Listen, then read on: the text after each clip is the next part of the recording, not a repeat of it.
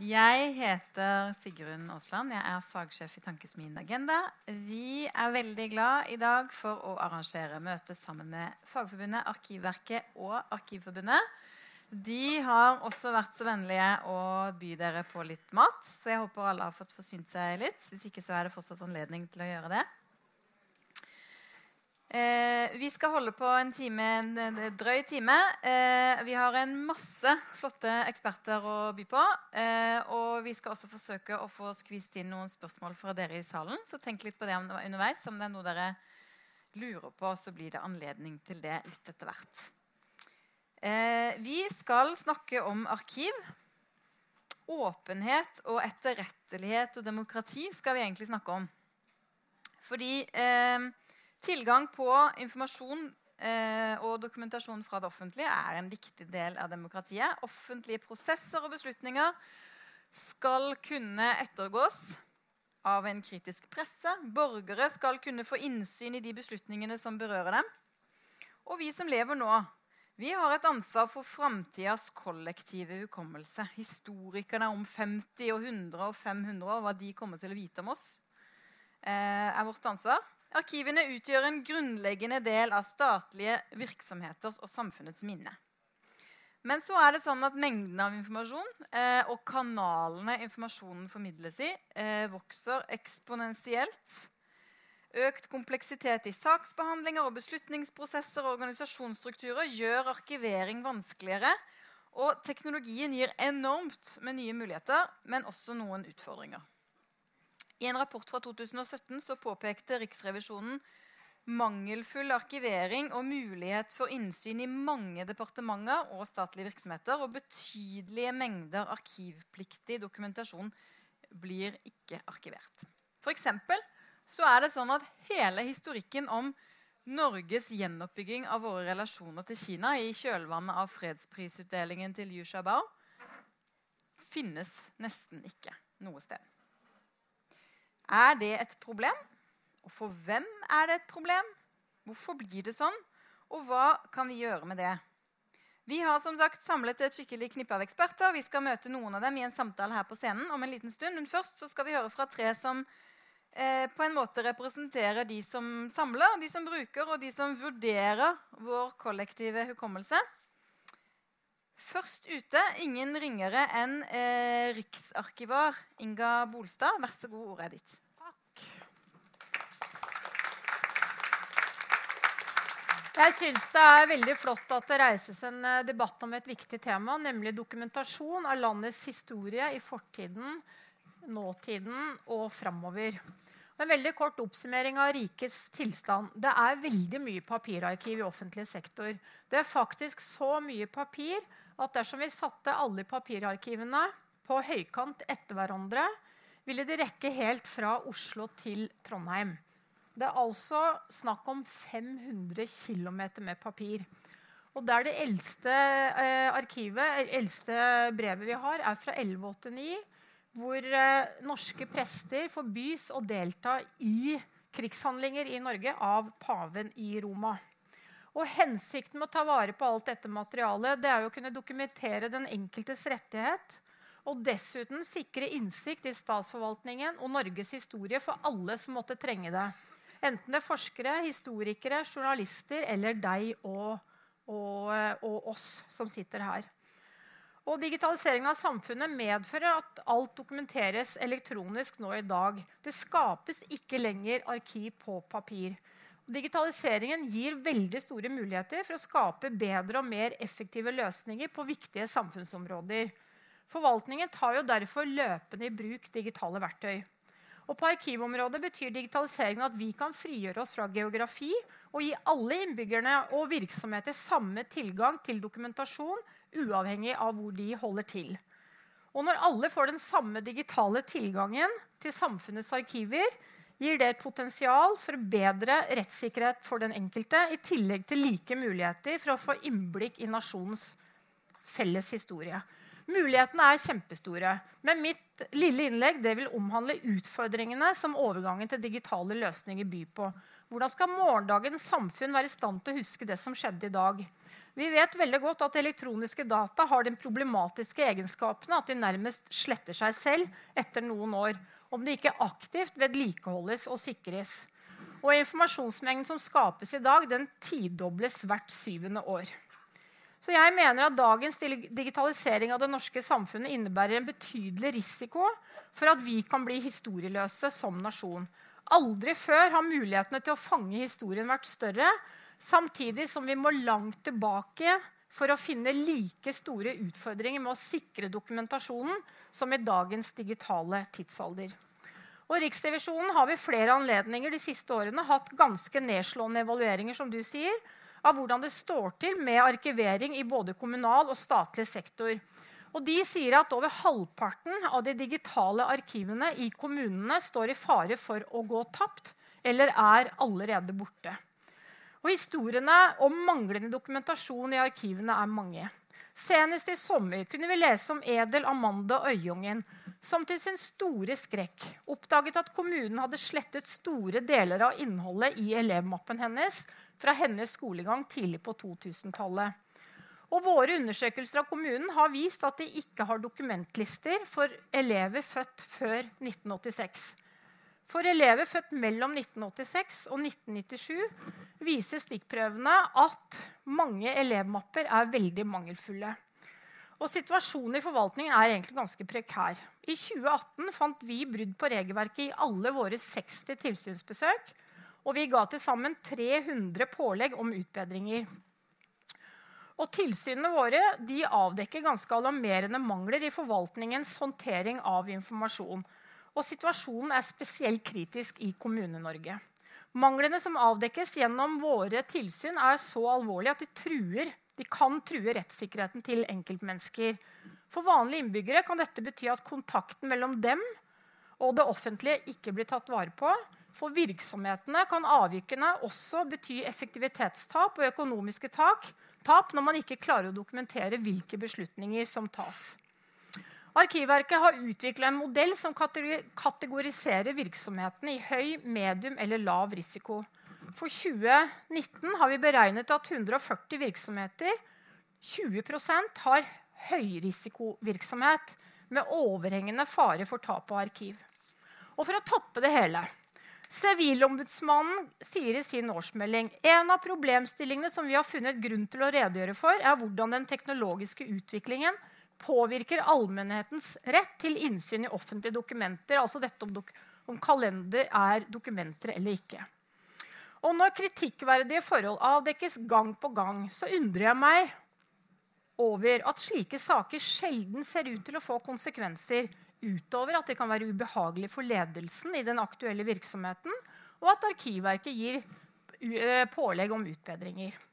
Og jeg registrerte ikke stor oppstandelse i Stortinget da Riksrevisjonen i 2017 la fram sin rapport om arkivering og åpenhet i statsforvaltningen.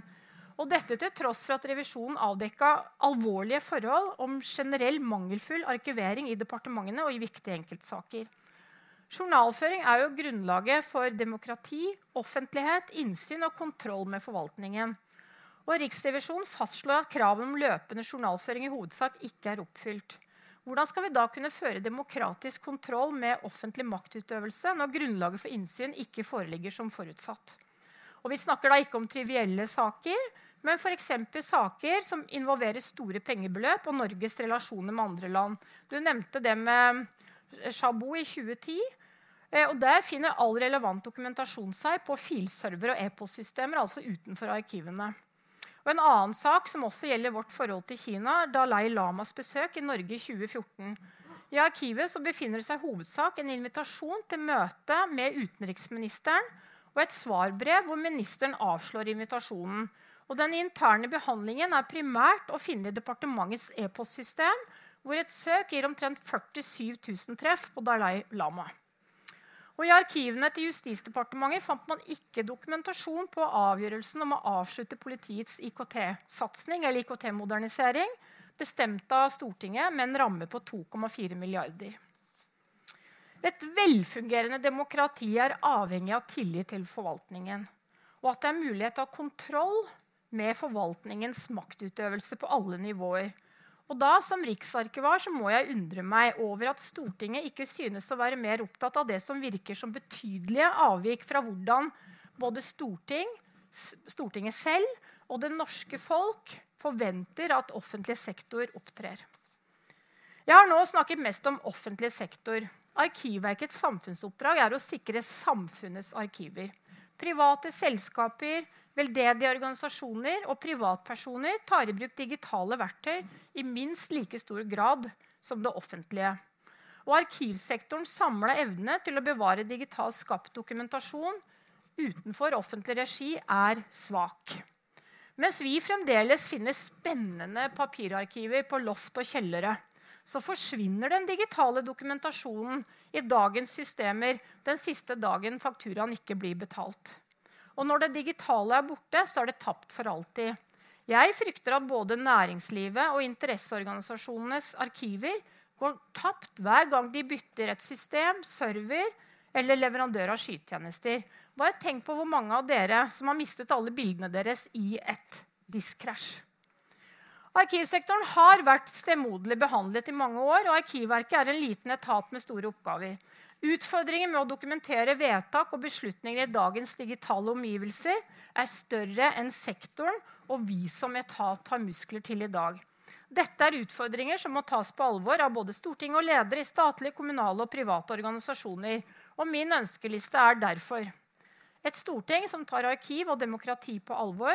En mer kraftfull arkivlov og en tydeliggjøring av Arkivverket som et direktorat. Automatisk arkivering og slutt å se på arkiv som støvete data. Og da vil jeg utfordre panelet etterpå. Hva skal til for å få verdens beste arkivlov i Norge? Takk.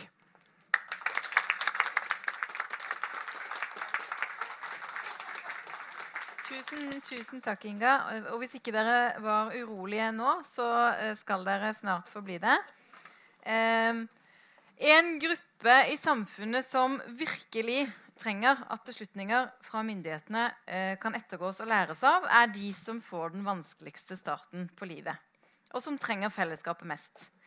De som fra helt tidlig barndom skal forholde seg til barnevern og hjelpeapparat, og som mer enn noen andre trenger at beslutninger henger sammen, og de som, de som voksne Eh, kan se det samme hjelpeapparatet i kortene. Neste innledning er fra Stiftelsen Rettferd for taperne. Vær så god, Tor Bernhard Slåtthaug.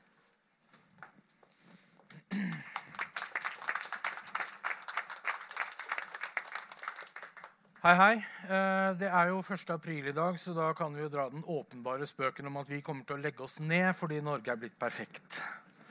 Sånn er det ikke. Eh, jeg representerer stiftelsen Rettferd for taperne. Eh, vi er, har vel da Norges hardeste navn. Og sånn kommer det til å være en stund framover. For Norge er ikke perfekt, ei heller på arkivsiden.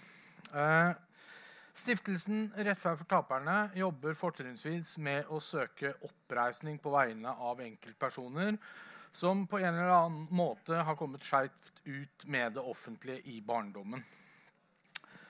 Vår primæroppgave for brukerne er jo da å innhente dokumentasjon fra ulike arkiver og forme en, eh, en søknad til kommunale oppreisningsordninger og til statlige, hovedsakelig rettferdsvederlagsordningen eh, på vegne av den dokumentasjonen vi får fra bruker, eh, og på vegne av den dokumentasjonen vi finner i arkivene. Og Da kan man jo tenke seg Når arkivene er tomme eller borte eller brent, da har brukerne våre et problem. For, som det heter, i hvert fall hos Statens sivilrettsforvaltning og i da, eh, Stortingets utvalg for rettferdsvederlagssaker, eh, man skal sannsynliggjøre de påstandene som bruker kommer med i en søknad. Hvis all dokumentasjon om din barndom eller din skolegang er borte, hvordan skal du da kunne sannsynliggjøre at læreren din kanskje slo deg? Hvordan du kan dokumentere at du har opplevd overgrep på overgrep på overgrep på institusjon? Det er vanskelig for deg. Da er det ditt ord som gjelder til syvende og sist. Ja, man skal, sannsyn, eh, ja, man skal vise eh, tillit til brukers egenerklæring men det skal fortsatt sannsynliggjøres. Stiftelsen Rettferd for taperne er 26 år. Vi fylte 25 i fjor. Og vi har bistått da over 3000 enkeltpersoner med totalt over 400 millioner kroner i oppreisning. Det tallet kunne vært mye høyere. Vi har en antagelse på vårt kontor at én av fem brukere hos oss ikke kommer så langt som å uh, bli vurdert for en oppreisning fordi dokumentasjonen er borte. Jeg jobber nå konkret med én sak for én bruker som er kjent i offentligheten for å ha opplevd mye. Uh, det er høy sannsynlighet at han har opplevd mye.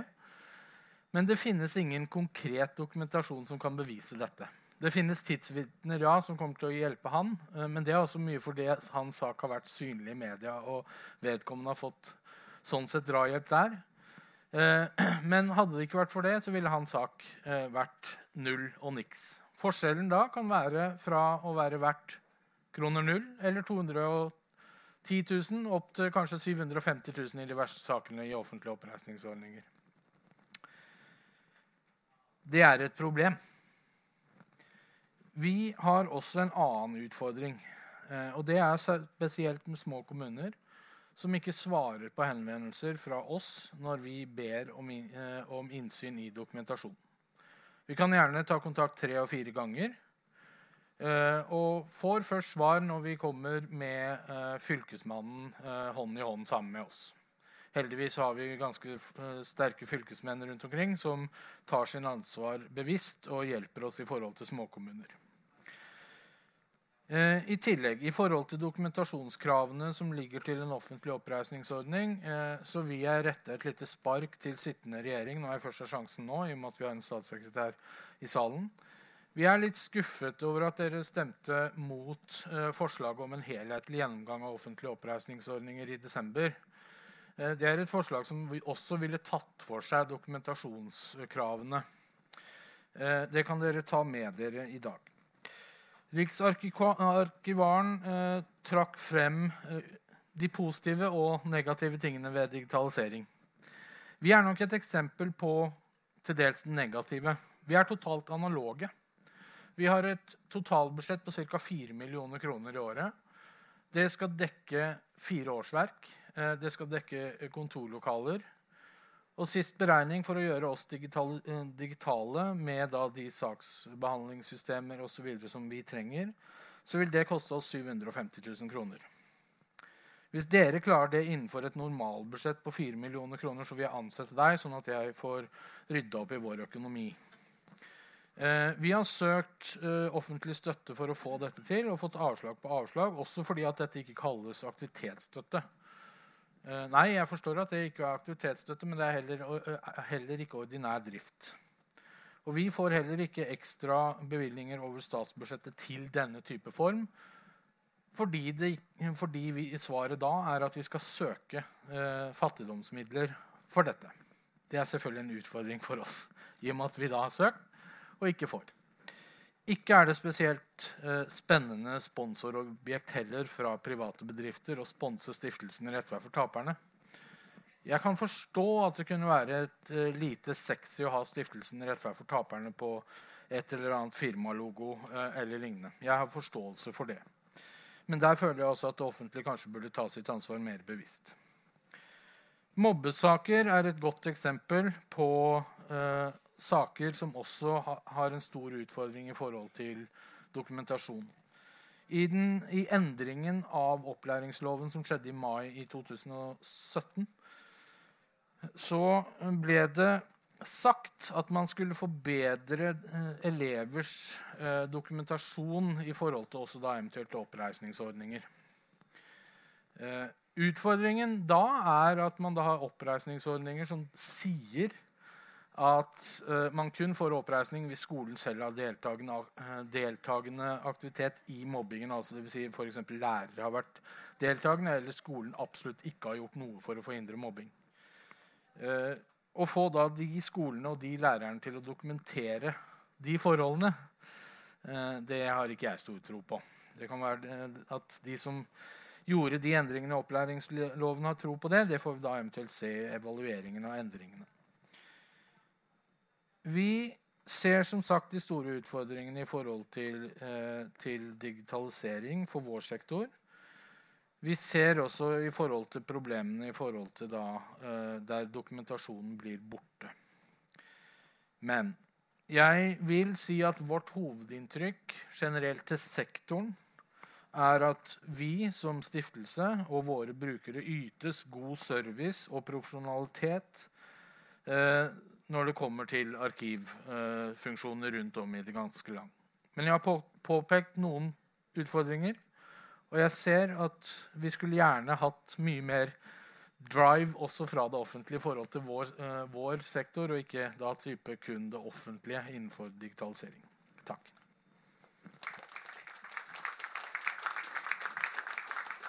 Tusen takk til deg, Tor Bernhard. Det har blitt nevnt allerede at Riksrevisjonen også har sett på dette.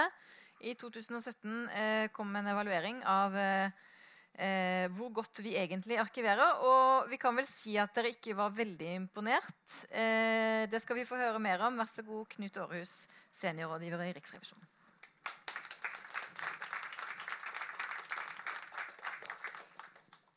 Ja, Venner av meg de gjespa litt når jeg fortalte dem at vi skulle gå i gang med en undersøkelse av eh, arkiveringspraksis og innsyn i statlig forvaltning. Og jeg var nok også litt der sjøl eh, i starten. Eh, jeg syns hemmelighold, demokrati, innsynsbegjæringer det hørtes mer spennende ut.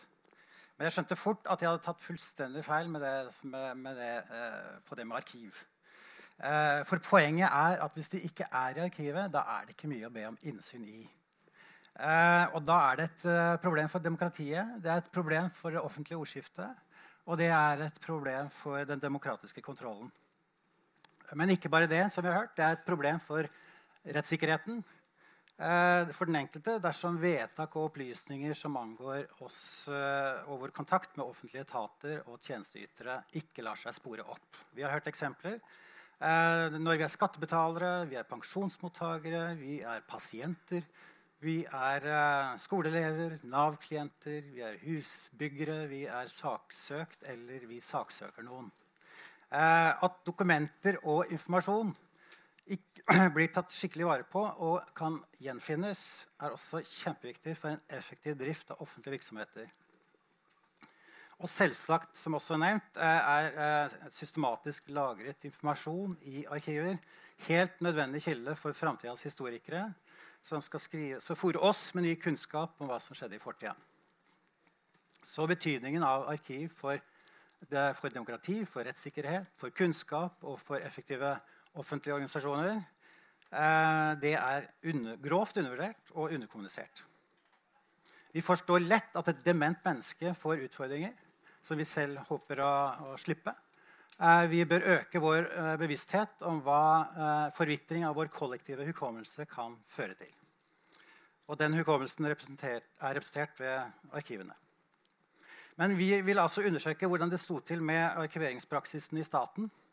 Fordi hva som blir tatt vare på, og hvordan det gjøres, er helt avgjørende for hvor reell innsynsretten til mediene, til allmennheten, er i praksis. Um, vi fant mye interessant. Vi fant såpass mye at vi kunne ikke ta med alt engang. Eh, men av det vi tok med, var bl.a. dette. Og vi fant for det første at eh, variasjonen er ganske stor. Mellom departementer, mellom avdelinger i ett departement, mellom seksjoner i én departementsavdeling. Så forskjeller eh, så, så, så kunnskap, holdninger, kultur, IT-systemer gir store utslag i hva og hvor mye som tas vare på på en skikkelig måte. Eller på en ordentlig måte. Og på en ordentlig måte betyr jo at det lar seg gjenfinne, og at det overlever eh, en digital utvikling hvor, hvor eh, filformater og oppbevaringsmedier endres stadig. Og så fant vi for det andre at det var mange saker, eller viktige saker og saksdokumenter som ikke er å finne i arkivene.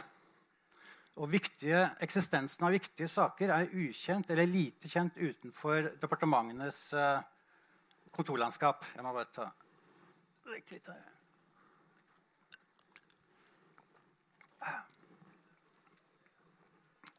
Og Den delen av undersøkelsen var jo litt utfordrende. Den var metodisk nødt å knekke. Hvordan finner du det som ikke finnes? Um, I arkivene. Uh, vi studerte nyhetsbildet. Vi snakka med folk, og vi krysspeilet mellom ulike kilder eh, som vi har tilgang til som Riksrevisjon. Hva slags dokumenter var dette? Jo, det var saken om Kina, som er nevnt et par ganger allerede. Eh, så jeg skal ikke ta den om igjen. Bare, bare, vise til at det er faktisk en av de viktigste utenrikspolitiske sakene i Norge i, i åra 2010 til 2016. Og du finner ikke noe om det i UDs ordinære arkiver. Ikke det ordinære, ikke det graderte og ikke det høygraderte. Så vi får bare håpe da, at det er noen uh, politikere som lever lenge, som har tatt gode notater, og som er villige til å dele de notatene. En annen sak. Regjeringen eh, ga mandat til norske militære styrker uh, til å kjempe mot IS i Syria. Uten å være invitert av Syria, selvfølgelig, uten, uh, men også uten FN-autorisasjon. Så det reiser noen prinsipielle folkerettslige spørsmål som rettsavdelingen i UD utredet i et eget notat. Notatet gikk utenfor arkivsystemet og var derfor ikke synlig for pressen eller for allmennheten. Eh, det ble likevel kjent, sannsynligvis gjennom en lekkasje, eh, men, men da først etter at beslutningen var tatt. Med den konsekvens for debatten det hadde. Og UD arkiverte det ikke, selv ikke etter offentliggjøringen i VG. Ups. En tredje sak. Norge støttet til Gavi, det internasjonale vaksineinitiativet. Det er en av Norges største bistandsprosjekter eller bistandstiltak. Der har eh, arkiveringen vært svært knapp sett i forhold til at ja, det er det største, eller blant de aller største prosjektene. Vi snakker om 1,5 milliard kroner i året. Over til et annet departement, Olje- og energidepartementet. Der er det en sak som har et litt kjedelig navn, men svært viktig innhold av stor økonomisk betydning. Det, saken heter 'Avsetningsinstruksen'. Det handler ikke om hvordan du skal avsette overtallige. Det handler om hvordan eh, det helstatlige oljeselskapet Petoro skal passe på at eh, Statoil selger statens olje og gass til best mulig pris for staten. Best mulig pris for staten er viktig. Det vil si, altså, den oljen og gassen som stammer fra statens direkte eierandeler i ulike felt eh, på sokkelen. Altså et veldig viktig virkemiddel for å, for å sikre statens inntekter. Eh, saken og saksdokumentene om dette var det i praksis nesten umulig å, å se i departementets journal pga. måten de var blitt arkivert og journalført på. Da er det heller ikke lett for selv erfarne oljejournalister å vite at en slik sak i det hele tatt eksisterer og blir behandlet i departementet. Og Ekstra kritikkverdig fant vi det var at uh, siden, uh, siden de dokumentene vi fant, som ikke var synlige på journal, jo, de viste at Petoro informerte departementet om at de ikke var i stand til å kontrollere Equinor eller Statoil uh, og, og, deres salg av, olje og gass slik det var pålagt å gjøre.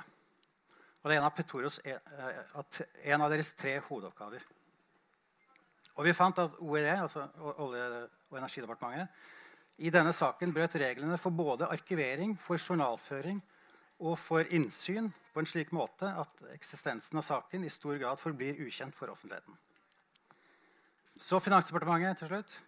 Norge stiller i dag ca. 130 milliarder kroner eh, tilgjengelig for IMF sine låneordninger altså Det internasjonale pengefondet.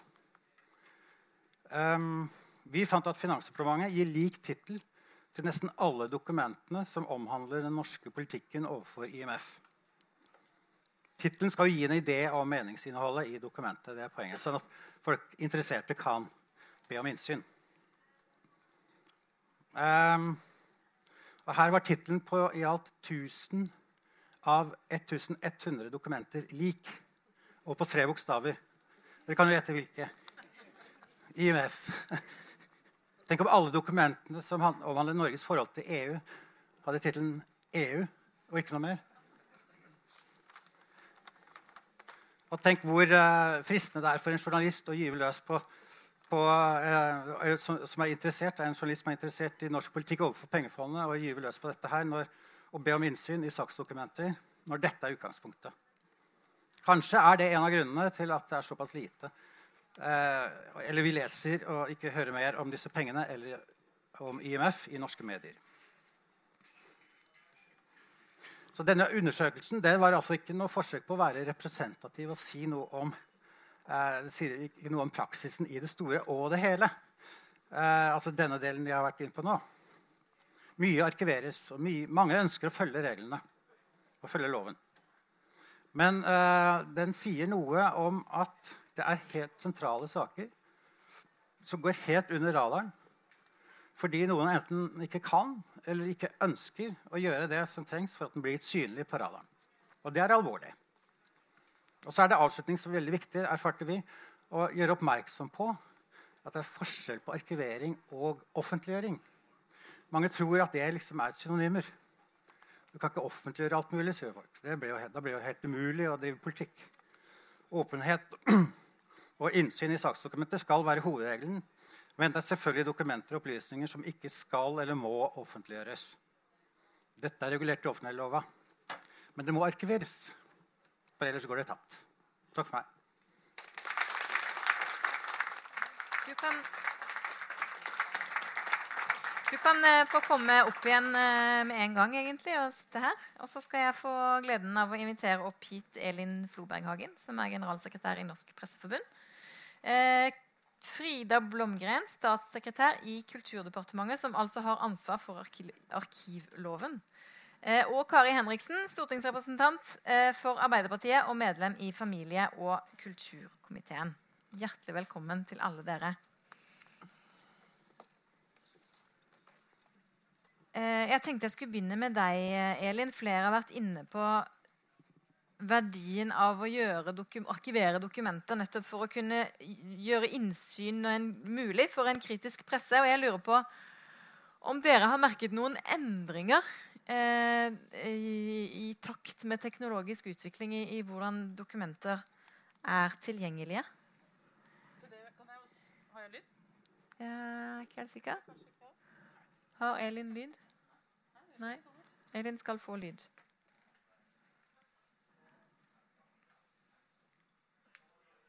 Hallo?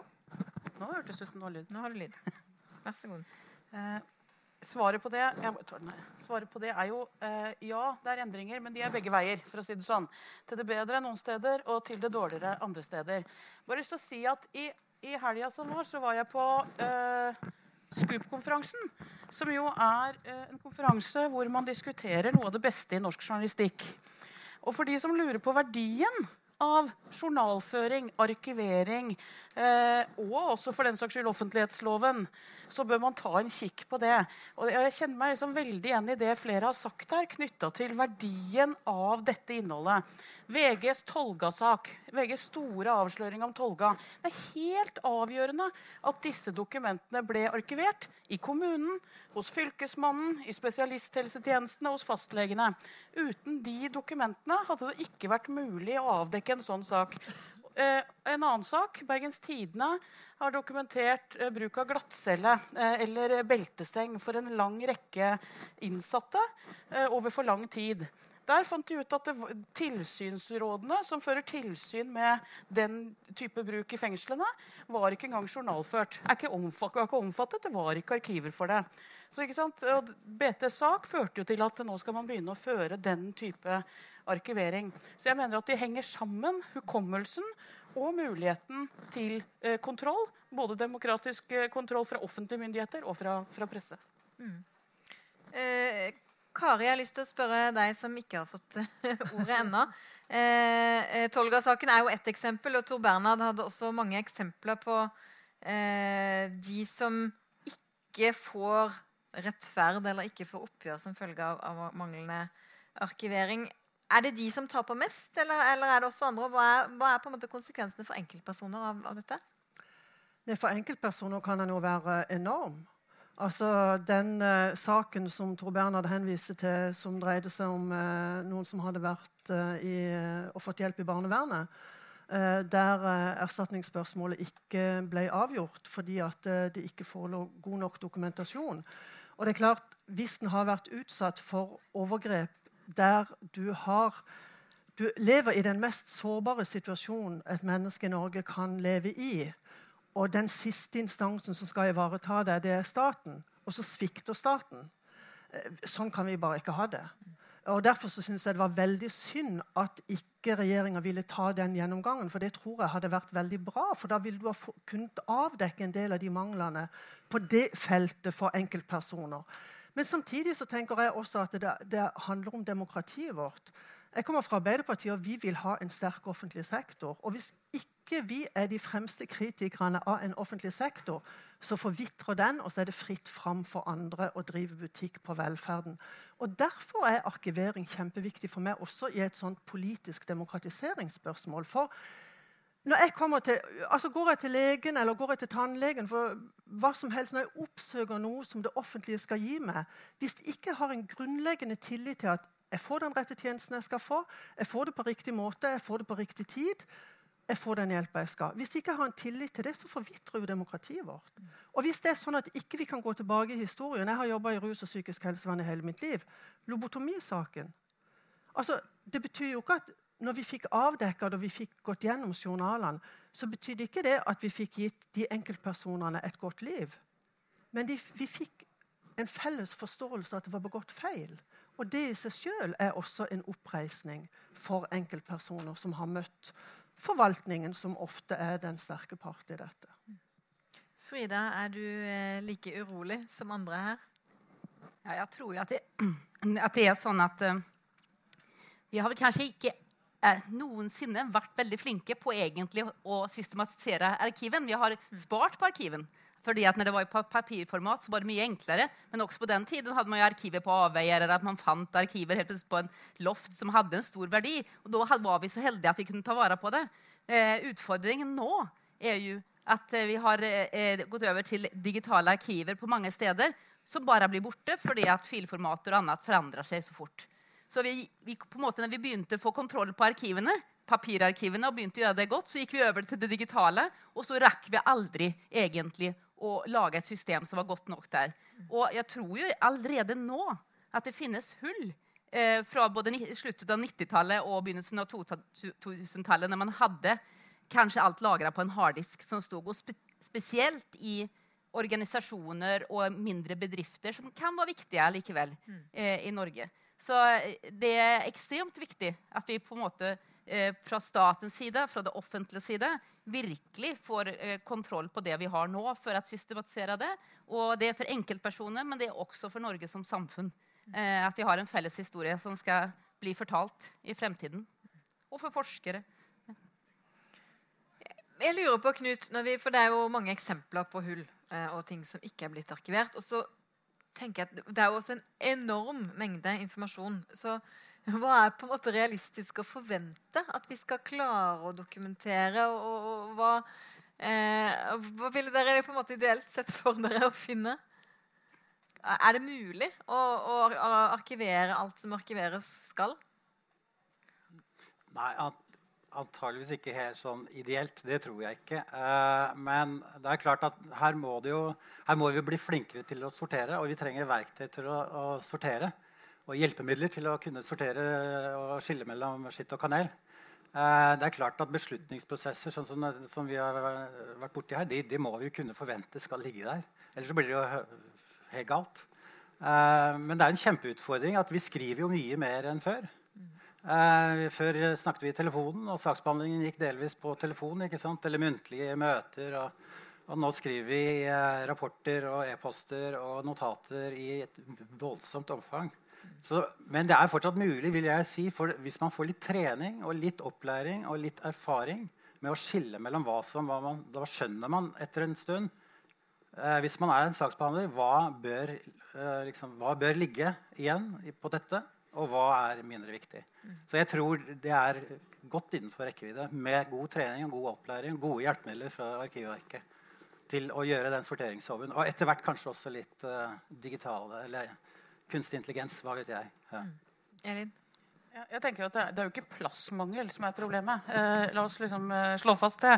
Eh, det, som, det, som, er saken, er jo at altså, det er litt underlig når det er de hullene som er avdekket her. De er noen av de mest sensitive sakene den uh, norske regjeringen for eksempel, har jobbet med. Det er de som er borte. Man finner mye i arkivene.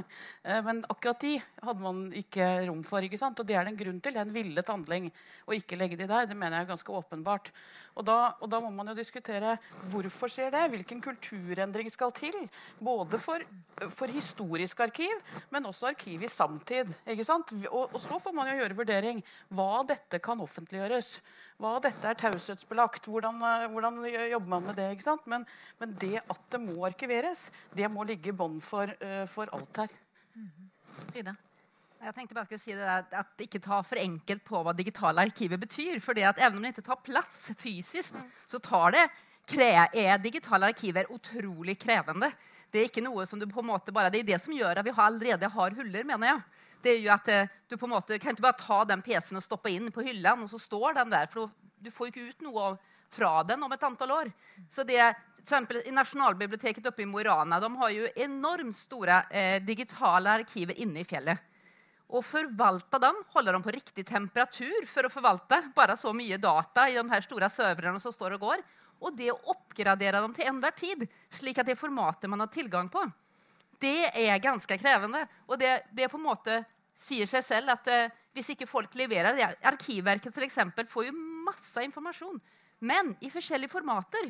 Hvor mye tid og krefter de får bruke på å på en måte omvandle dette til noe som gjør det faktisk En sak at du skal spare det for, eh, for fremtiden, men det skal helst også tilgjengeliggjøres, så at hvem som helst skulle kunne gå inn og søke på det. Mm. Og det er ytterligere ett ledd. Så det er eh, en enormt stor prosess. En sak at Vi må selvsagt fange denne informasjonen. Eh, den, altså den skal arkiveres, den skal journalføres. Men så må jo målet være at den skal tilgjengeliggjøres også. Og med de digitale verktøy vi har nå, så burde det vært en sammenhengende Eh, altså at det hadde vært en logikk her. Der er vi ikke i dag. Men vi må jo komme dit hvis dette skal kunne gjøres på den måten. Mm. Det var ikke så mange år siden. Da var det sånn at vi hadde alt digitalt, men vi satt fortsatt og printa det på papir. Ja, så Da gjorde det dobbelt opp. Eh, og kanskje tur at vi gjorde det i den perioden. Annars hadde vi ikke hatt det heller. Kari? Ja, et, eh, En ting er rent eh, sånn praktisk i forhold til eh, og faglige, hvor, hva vi skal ar uh, arkivere, og hvordan vi skal arkivere ting, og hvor mye plass, og om det skal være digitalt eller på papir. Men jeg tenker det handler mye om å få politisk, en politisk forståelse av viktigheten av det. Og det, Jeg var med på den første debatten i Arendalsuka for uh, det var vel ikke sommeren som var, men året før der. Og Da liksom gikk det opp et lys for meg, sånn, rent sånn politisk. Jøss, dette er jo kjempeviktig. liksom, Arkiv. Og Jeg har jo jobba i sektoren i hele mitt liv og har jo arkivert og dokumentert en hel haug som har vært viktig i mitt yrke. Men jeg, har, jeg hadde ikke fått den forståelsen før, hvor mye det hang sammen med selve demokratiets kjerne. Og Derfor vil jeg bare eh, skryte av Fagforbundet, som i flere omganger har satt dette på dagsorden. For jeg tror at det er viktig at vi som sitter på Stortinget og lokalpolitikere blir eh, informert om hvor viktig det er. Og nå når jeg går rundt og snakker med lokalpolitikere, så sier jeg vet dere at IKS ikke er underlagt arkivplikt. Hæ? Hæ? Og er det? Nei, sånn er det. Dere må sette dere inn i dette. Når vi skal kommersialisere, eller noen vil kommersialisere, sånn, så må dere vite det om arkiv. Det er kjempeviktig for kommunen. Så jeg tror det med opplysning og det at en får et politisk trøkk på hvor viktig det er. For først da kommer pengene. For Det har vært en godt gjemt hemmelighet tror jeg, på Stortinget. når jeg har vært her i 12 år. Vi har aldri diskutert det før de siste gangene etter at eh, vi hadde disse sakene på, mm, både om erstatning og, og dokumentasjon som nå begynner å komme. Eh, så det tror jeg bare er en sånn oppfordring til brukerorganisasjoner og til alle. Sett det på dagsorden og la det bli et politisk tema. For Noe av det som er utfordringa eh, politisk, og som statsråden svarte til meg på en interpellasjon vi hadde, det er jo samordninga mellom departementene. Og, og, det må det bare bli en orden på. Altså må, politisk må man bare bestemme seg for at her må departementene virkelig sette seg ned, og så må de finne en ordning og noen felles retningslinjer for hva som skal arkiveres, hvordan det skal arkiveres, hvordan skal vi eh, forholde oss til det i de alle departementene. Så Det er sånn en sak som jeg tenker en kan følge opp etter hvert fra Stortingets side for å få mer kunnskap om hvordan går det med den samordninga. For det tror jeg er viktig. Og spesielt og, og der, jeg mener Det er helt legalt å ha forskjellige uh, politiske standpunkter om det, men spesielt når en nå eh, ser at det er mye mer, mange flere forskjellige aktører inne i bildet. Uh, du, du, får en, en, en, privatisering og en kommersialisering av tjenestene. Som, og Der er det politisk uenighet. Men uavhengig av det så er det utrolig viktig at det, når jeg kommer til et sted, så skal jeg ha en sammenhengende historie i det offentlige, eller som det offentlige har ansvar for. Og Hvis ikke en da setter dokumentasjon og arkiv godt på kartet i eh, anbudsdokumenter, hvis en skal ha det, eller samhandling, så betyr det at jeg eller noen av dere og oss og de som trenger det enda mer enn oss, vil kunne få store hull i sin historie i eh, samhandling med det offentlige. Du skal få ordet, Frida. men Det hadde vært interessant også om du kunne følge opp det som eh, Kari var inne på. altså blir det vanskeligere å arkivere et menneskes livsløp når det er flere typer aktører inne i bildet eh, i, eh, velferdstjenestene? Ja, det er selvsagt at, eh, at, jo flere aktører som er inne i bildet, så er det mer krevende. Mm. Men sånn er det jo også det offentlige i dag. Mm. Altså det er kommuner, fylkeskommuner, det er alle departement som vi ser som ikke har samme systemer. Så det viktigste er jo egentlig å ha retningslinjer. og det var det jeg tenkte å nevne. Mm. Arkivverket har jo utarbeidet en veileder etter at Riksrevisjonen sa at det var Kulturdepartementets eh, eh, oppgave å se til å få, få, få, på plass dette. Og det er eh, ekstremt eh, viktig at man på en måte har samme opplæring i departementene. Man har systemer som er brukervennlige, eh, så det er enkelt å gjøre. Alle vet jo hvordan det er å ha en mailboks som er helt full. Jeg har dårlig samvittighet hver dag når jeg har 200 mail som den dagen skal gjennomgås for å faktisk forsikre meg om at jeg ikke glemmer å journalføre noe. Mm. Eh, og jeg kommer jo fra, det, fra Venstre. altså For oss er det jo som prinsipp at vi, vi journalfører jo SMS-er. Til overraskelse for mange. Men eh, på en måte SMS, eh, Messenger-meldinger, det hjelper liksom ikke. Det var en som prøvde på eh, ved et tilfelle Han sendte meg eh, diverse eh, mailer og alt mulig om at han ville snakke med meg noe, om noe som han ikke kunne sende der. Så sa jeg det er ikke mulig faktisk å gjøre det. Til slutt man sendte et brev hjem og tenkte at om vi sendte det på privatadressen, da det fall, kom det i hvert fall ikke i journalen. Så da tok jeg med det til departementet, og så fikk jeg jo journalført det. da. Eh, men det er liksom det er liksom ikke et, altså, eh, Uansett hvordan du kommuniserer med oss som er politisk ledelse på, i, i, et departement, så blir det journalført. Og det er viktig. Mm. Og det er et prinsipp.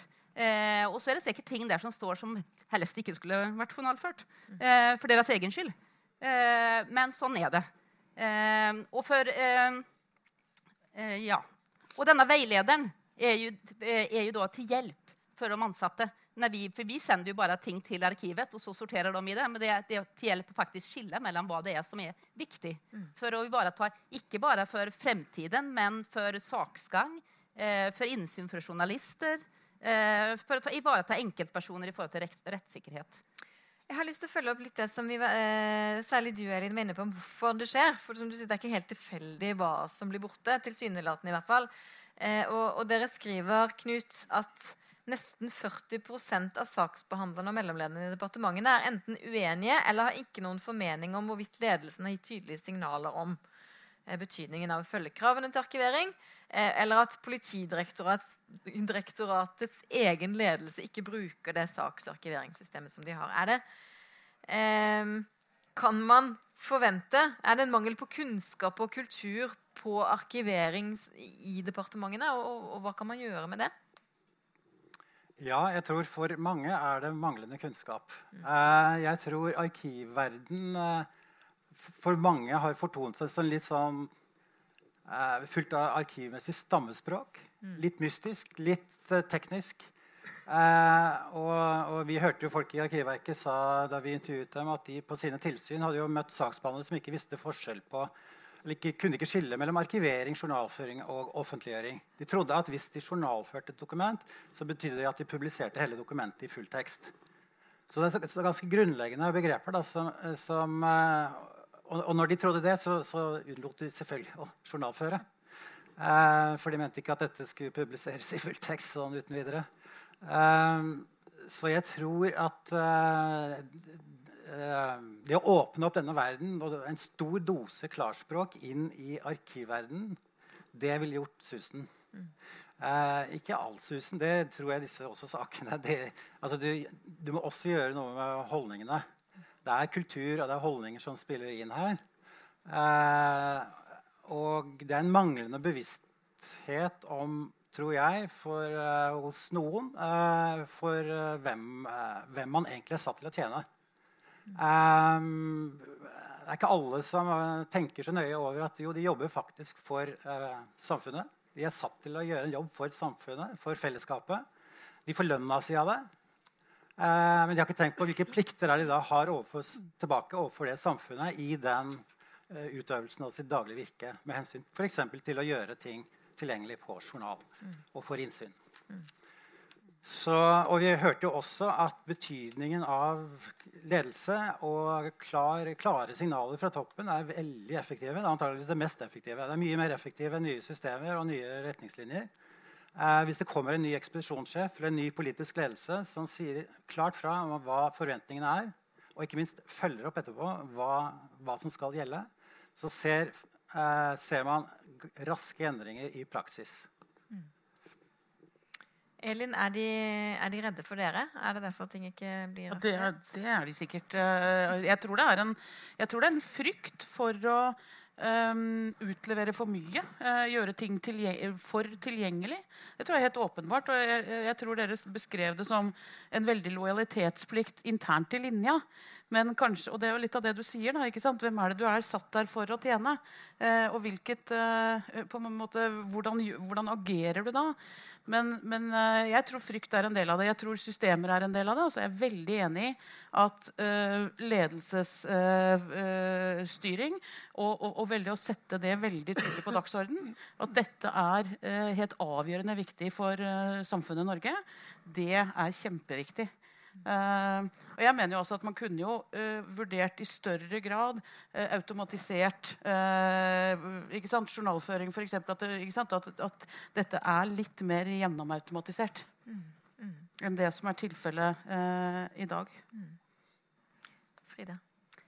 Ja, Vi kan jo glede oss. I morgen så kommer jo Arkivlovutvalgets rapport. Og det kommer sikkert en del ting der så vi får sjanse å diskutere. Eh, jeg vet ikke. Jeg gleder meg til å ta imot den sammen med statsråden i morgen. Eh, men eh, vi vet jo ting som de skal diskutere. Så at, eh, det er vi spent på å se hva på en måte man skisserer opp for muligheter. Men som automatisering til eksempel, det er jo en måte å få en større fangst. Altså det at automatisk journalfører journalføre e-mail til eksempel, eh, hos saksbehandlerne. Eh, men der har vi fortsatt også, det er liksom sånn balanse på en del ting. Spesielt for meg som kommer fra Venstre i forhold til personvern. Og nå skal man jo ikke bruke sin jobbmail nødvendigvis til, til, private ting, men det er liksom på en måte vi jo, har jo også et stykke å lære, altså vi, vi, har behov for å lære oss opp litt mer hvordan man bruker digitale verktøy på jobb. Eh, og jeg tror at, eh, at, mer automatisering må jo til på en eller annen måte. Mm. Eh, for hvis dette skal gjøres manuelt hele tiden, så er det eh, vil det gå glipp av eh, viktige ting. Men så vil jeg si det at det er jo sånn at en sak er at eh, arkivet er, viktig, eh, og arkivpolitikk eh, på en måte har, Man har et stort ansvar eh, på vegne av samfunnet. både å ivareta arkivene, men også se til at det blir arkivert. Men så er jo da som du sa tidligere, du beskrev at du oppdaga at det var så mye mer. Det er jo faktisk ganske gøy med arkivpolitikk når du begynner å se på det. For du ser faktisk hva det vil føre til. Så klarer man å løfte blikket litt og se eh, framover hva man faktisk gir tilbake til samfunnet, så er det faktisk veldig gøy. Og jeg synes at det, På det her året jeg har vært i Kulturdepartementet, det har blitt morsommere og morsommere.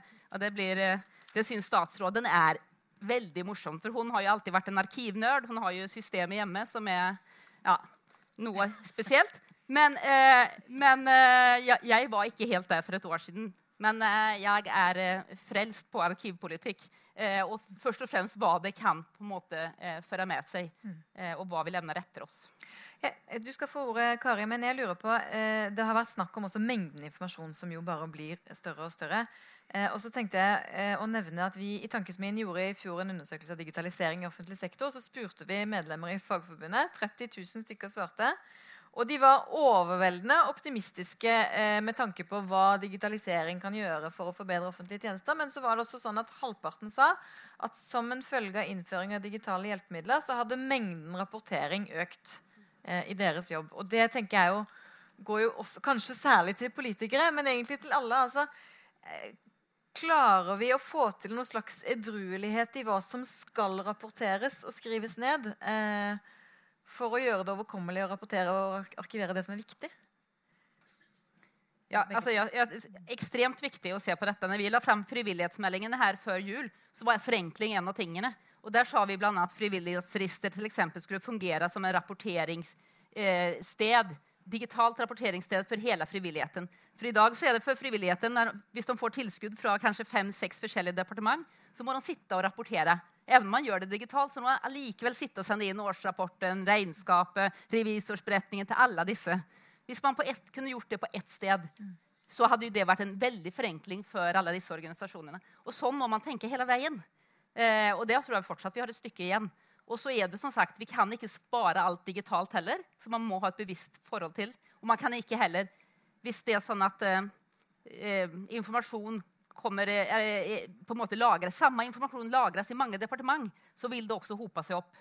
Eh, så det er viktig at vi har systemer som på en måte klarer å skille det og gjøre det enkelt. Kari? Ja, jeg er helt enig i det. Og jeg tror at vi lever i nå en sånn type transformasjonsperiode der vi må venne oss til den nye teknologien og venne oss til hvordan vi skriver. Nå begynner jo hvem var det som, Jeg så en sånn en oppdatering at nå blir vi snart bare MJO-er. altså Nå kan vi vise mye bare med veldig korte tegn. og Det betyr jo også at kommer, vi får tid til å, til å fortelle mye mer. Men, men, jeg tror noe av det som jeg tror er aller viktigst, er det at vi må ha en plan for innføring av dette. Altså Vi må ha en systematisk plan for eh, f.eks. For, for samordning i departementene. Det må være en konkret plan. Hvordan skal samordningen skje? Hvem skal ha styringa i departementene? Vi kan ikke ha det sånn at alle departementene holder på med sitt. Eh, eh, Monica Mæland, som svarte på denne interpellasjonen jeg hadde, var, sa det at det er en stor utfordring med samordning. Og Da må man ta tak i det. Og så må man lage et system for at den samordningen faktisk skal finne sted.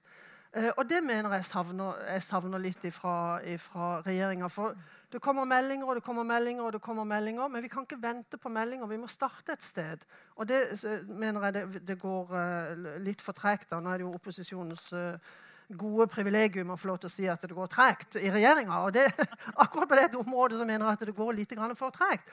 For, nettopp fordi at eh, i den perioden vi står oppe i nå, der det kommer så mye nytt, så er det viktig både at eh, ledelsessjiktet er godt skodd på å vise de holdningene som de skal knytte til arkivering. At de har kunnskap, og at de kan sette de standardene ut i systemene som er nødvendig for å få god arkivering på plass. Og eh, som jeg sa, så har jo jeg jobba ute, og Hvis ikke det kommer noen signaler om det, så går verden sånn som man gjorde før. og det gjør i departementet også, De ruller og går, og så holder vi på med sånn som vi har gjort det før. Så jeg tror at det å gi noen tydelige signaler i hele regjeringsapparatet på dette med samordning, det tror jeg er kjempeviktig. Og så tror jeg også i forhold til rettssikkerheten eh, og, og liksom det at vi lever i en rettsstat også, så vil jeg komme litt tilbake til det med når det blir veldig mange aktører på markedet. For Ta den barnevernssaken eh, i Kristiansand der en, en jente ble drept. Tilsynsmyndighetene var inne, og det var kritikk på mange områder. Den største kritikken var at ikke det ikke var en overordna instans som kunne samordne alle de vedtakene som var gjort i de forskjellige tjenesteområdene. For Hver for seg hadde de ikke gjort de store feilene. Men det var ingen som hadde ansvar for å tegne et stort bilde.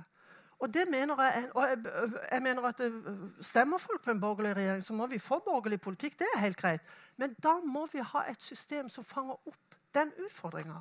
Og det mener jeg vi ikke har i dag. I dag er det både innenfor helse barnevern, som jeg kjenner veldig godt, barnehager og skole, så er det eh, og det står i regjeringserklæringa, det er fritt frem for alle aktører til å tilby offentlige velferdstjenester.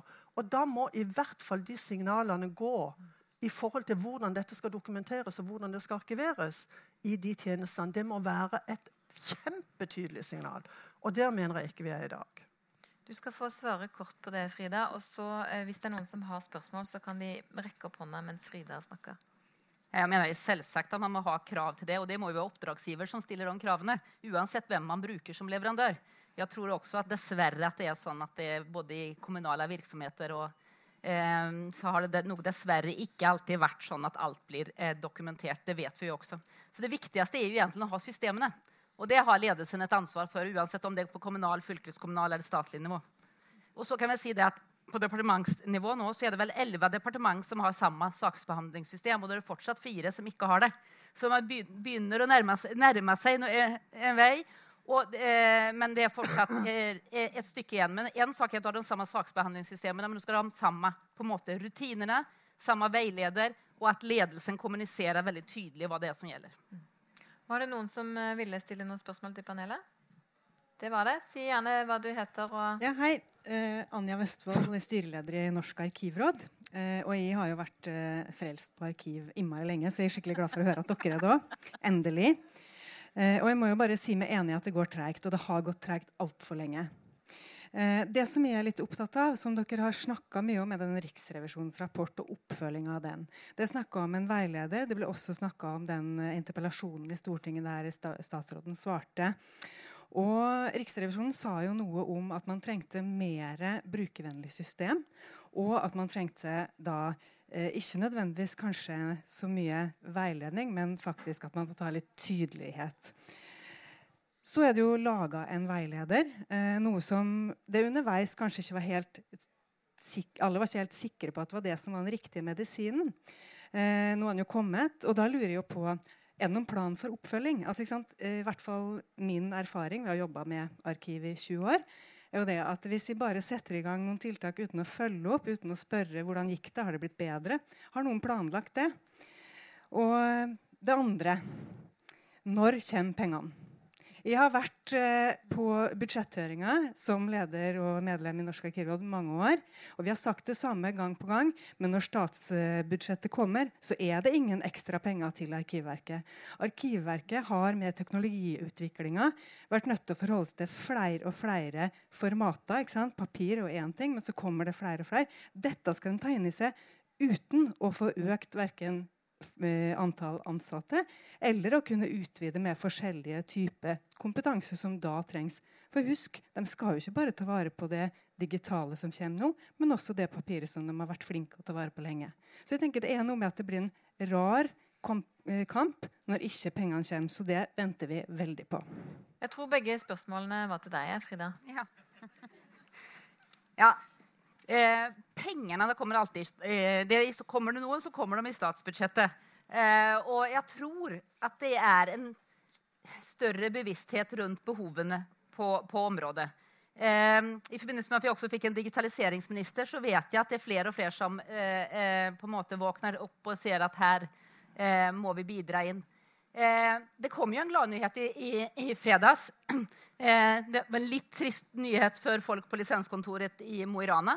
Men eh, det ble 70 nye arbeidsplasser på Nasjonalbiblioteket i Mo i Rana som skulle gå til digitaliseringen av kulturarven. Det er en 50 økning i Mo i Rana. Eh, og jeg vet at du sikkert vil at vi skal si at det skal komme penger til Arkivverket, men også jeg vet at Arkivverket og Nasjonalbiblioteket samarbeider ekstremt godt. Og eh, I eh, Mo i Rana får de et litt bredere mandat til å ta vare på ikke bare digitalisering på biblioteksektoren, men på arkiv- og museumssektoren eh, i tillegg. Så det er ikke det at det ikke er kommet eh, noen nye penger. Det kom senest i fredags. Og så kommer det et nytt statsbudsjett i oktober. Bare du... kort, kort, replikk, da. Eh, fordi Nei, pengene var jo til, til skanning. du kan dessverre ikke få det. Eh, men du kan prøve å ta tak i statssekretæren etterpå, kanskje. Eh, jeg må eh, gå videre, for vi må gå inn for landing. Eh, men du ba om ordet, Elin, og da tenkte jeg du skulle få ordet, og så skulle du få lov å gi en utfordring også til hva vi kan gjøre mm, mm. for å løse, eh, løse dette bedre i framtiden. Bare si at Vi eh, i Presseforbundet gjorde en undersøkelse blant norske kommuner i fjor for å se på nett, eh, altså tilgang til bare informasjon. Viktig informasjon fra kommunen til sine innbyggere. Liksom, la oss starte med å si at Det var flere kommuner som ikke engang hadde nettsider. Så vi, vi har en jobb å gjøre på digitaliseringsfeltet, folkens, ikke bare på arkiveringsfeltet. men vi har foreslått et par elementer. Eh, vi har foreslått sanksjonering. Eh, at det er sanksjoner for grove brudd på, på arkivloven. Akkurat som vi har foreslått sanksjoner på brudd på offentlighetsloven. I dag har det ingen konsekvens eh, å holde tilbake informasjon eller å ikke arkivere vesentlig informasjon. Det tror jeg er det viktigste forslaget vårt. Et annet er å innføre en, en frist på når eh, saker skal journal, journalføres. Etter bl.a. både Riksrevisjonen og vi gjorde også en, eh, i 2017 en, en, undersøkelse av hvor lang tid det tok i departementene å, å journalføre.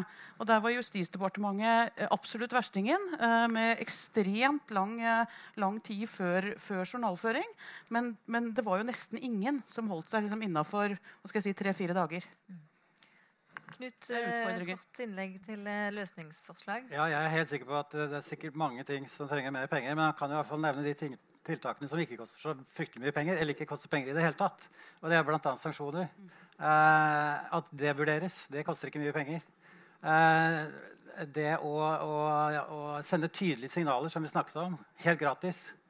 Eh, det å det, det, noe som koster litt mer penger, ikke så fryktelig mye, det er å sørge for at et saks- og arkivsystem i departementene faktisk fungerer, og ikke henger når du prøver å gjøre jobben på skikkelig vis.